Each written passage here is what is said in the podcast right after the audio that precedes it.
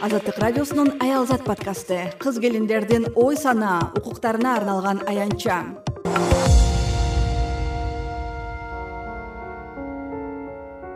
Ошондо никеде айткан мен сенин үстүңө аял албайм ай сайын дабатка чыгарып турам куран окууга уруксат берейин деген да? Күйөөңө ушундай аялды алып берсең түздөн түз жаннатка киресиң деп үстүмө аял алып келет көбүнчө боюмда бар кезикте ушинтип аял алам деп эле кыйнай берчү да. Негизи шариятта намаз орозо анан күйөөсүнүн ыраазылыгы дейт ошо күйөөсүн ыраазы кылса бейишке кирет экен деп эле анан ушул сөз менен эле көп кармачу да мен. Бала ыйласа ыйлаба чыгарба үнүңдү деп полотенце менен аябай сабачу да. Ушу кичинекей кезинде эле балдарды сабачу мен сенин табак ашыңа кийим кечиңе милдеттүүмүн ден соолугуңа милдеттүү эмесмин деди да акыркы жолу. Чүйдүн панфилов райондук соту жакында жыйырма жылдан ашуун чогуу жашап сегиз балалуу болгон үй бүлөнүн ишин карады. Юристтин айтымында жубайлардын расмий никеси жоктугунан алардын мүлкүн бөлүштүрүү оңой болгон жок. Аты жөнүн ачык айтуудан тартынган келин баштан өткөн тагдырын тизмелеп айтып берди мен негизи эки миң биринчи жылы айылдан шаарга илим алганы келгем атайын медресеге. Анан келгениме жыйырма күн боло элек менин күйөөм келинчек издеп медресеге барып калат анан мен айттым жок мен жаңы эле келдим мен илим алам деп келгем тийбеймин деп ушинтип үч күн арада артыман жүрдү болбой. Чоң кишикен тийбейм дегем да. Десем пайгамбарыбыз алтымыш жашында айша энебиз тогуз жашында болушундай шариятта бар деп бир аалым киши ортого турган да үч күн өткөндөн кийин болбой эле үйүнө барып көрсөтөбүз деп ортого тай эжелеримди коюп ушинтип тагдыр экен айла жок отуруп калды. Каарманыбыздын айтымында күйөөсүнүн улам төшөк жаңыртканы сегиз балалуу болгондо да калган эмес. Ошондо никеде айткан мен сенин үстүңө аял албайм ай сайын дабатка чыгарып турам куран окууга уруксат берейин деген да бир балалуу болгондон кийин бир күнү сага келет экөөң таанышасыңар дейт. Жакшы кабыл алган жок эмнеге эмне үчүн? Мактап тигиндей мындай кылып. Алып келип бир эле күн түнөп кеткен да. Аны менен да жашап жүрдү мени менен жашап жүрдү ошо андан кайра ал аял менен кайра ажырашып кетти. Анан ошентип эки балалуу болдук кайра эле жардамчы керек. Мен төрт айга пакистанга дабатка кетем.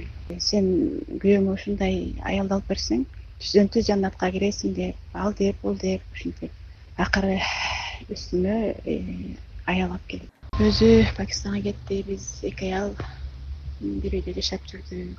Негизи бизге музыка телевизор вообще койдурчу эмес. Ал аял болсо үйүнөн магнитофон алып келип музыка коюп телевизор алып келип кинолорду көрүп жүрдү да. Күйөөм келгенден кийин мен ушундай кылып жүрдү ушинтти деп дедим эмнеге ушинтесиңер деп сабады анан көп узабай ал тажик аял өзү кетип калды. Анан көбүнчө боюмда бар кезикте ушинтип аял алам деп эле кыйнай берчү да. Келин күйөөсү менен жыйырма жылдан ашуун убакыт бою түрдүү кордугуна чыдап жашап келгенин төмөнкүчө түшүндүрдү. Сага ушунча ыраазымын ушунча аял алдым.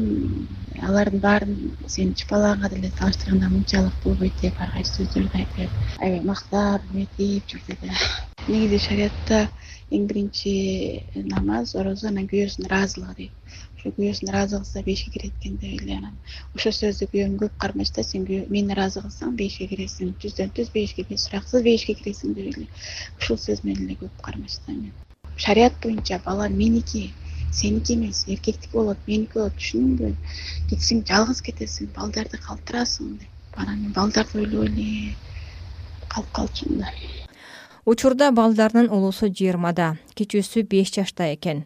Сегизинчи баласы былтыр бир жарым жашында сууга агып чарчап калган. Келин баласынын өлүмүн да күйөөсүнөн көрүп келатканын жашырбады. Айтымында бала сууга чөгөрдөн бир күн мурун күйөөсү наристени катуу токмоктогон экен. Бала ыйласа ыйлаба чыгарба үнүңдү деп полотенце менен аябай сабачу да ушу кичинекей кезинде эле балдарды сабачу анан балдарымды кичинекейинен эле эрте менен эрте тургузуп алып намаздан кийин куран окугула деп кичинекейинен жоон таяктар менен сабачу да балдарын сейгенге чейин сабачу уктабагыла ачкыла көзүңөрдү куран окугула эртең менен. Анан ийинем ортого тура калчу да ай уйдун убагы уюп калды уйду коштуң эмне балдарыңды сабап атасың кыз баланы сабабайт десе да болбой эле кыздарымды дагы балдарымды дагы таяк менен укмуш көгөртүп сыйып чычканча ушундай сабачу да аларга болушам деп жанына барып мен дагы таяк жейчүмүн каарманыбыздын айтымында үй бүлө бардар жашаган. Күйөөсү жип машине минип короотоло кой эчкиси.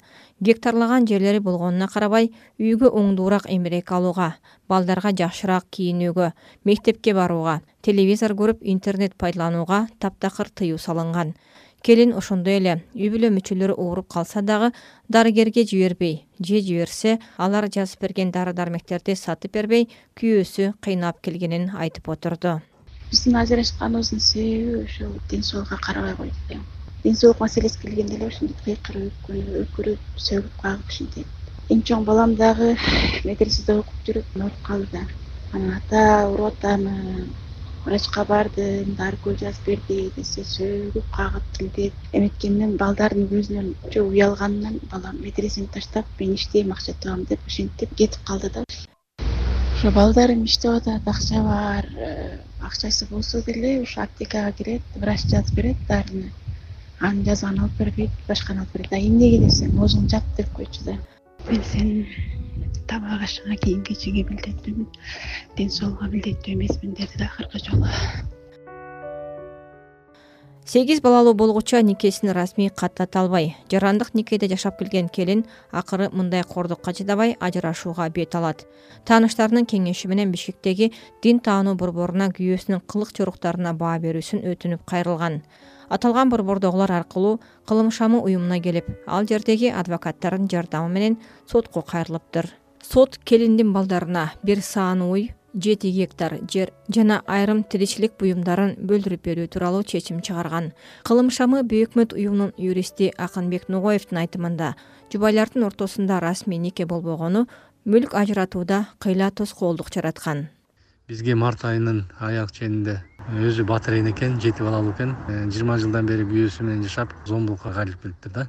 Күйөөсү алтымыш төрт жашта экен уже пенсияда анан өзү келин э, молдонун кызы болгондуктан бала кезинен дин жолунда жүрүп эркекке баш көтөрбөш керек деген түшүнүк менен чоңоюптур ошондон улам сегиз балалуу болгучу күйөөсүнүн кордугуна чыдап жашап жүрө бериптир ал ортодо күйөөсү үстүнө он алты аял алыптыр айрымдары балалуу да болуптур бирок бири бири менен расмий никеде турбаптыр жарандык никеде жашагандыктан келинге бир да мүлк катталбаптыр сүйлөшүүлөрдүн негизинде гана балдарынын үлүшү деп айдоо жерин бир саан уй жана үй тиричиликтерин килем кир жуучу машина микроволновый печкасын алып ошентип келишимге келдик. Учурда келин балдары менен бишкекте жашап жатат. Кылым шамы уюмунун юристтери анын мектеп жашындагы балдарын мектепке кичүүлөрүн бала бакчага орнотууга өзүн жана улуу балдарын иш менен камсыз кылууга көмөктөшүүнүн үстүндө коомчулукта көп аялдуулук темасы. Ачык талкууланып же иликтене элек. Ошондон улам бул маселени ачык көрсөткөн статистика дагы жок. Ошондой эле кыргызстандагы чогуу жашаган үй бүлөлөрдүн канчасы расмий канчасы жарандык никеде экенин аныктаган да так маалыматтар жок. Замира кожобаева азаттык бишкек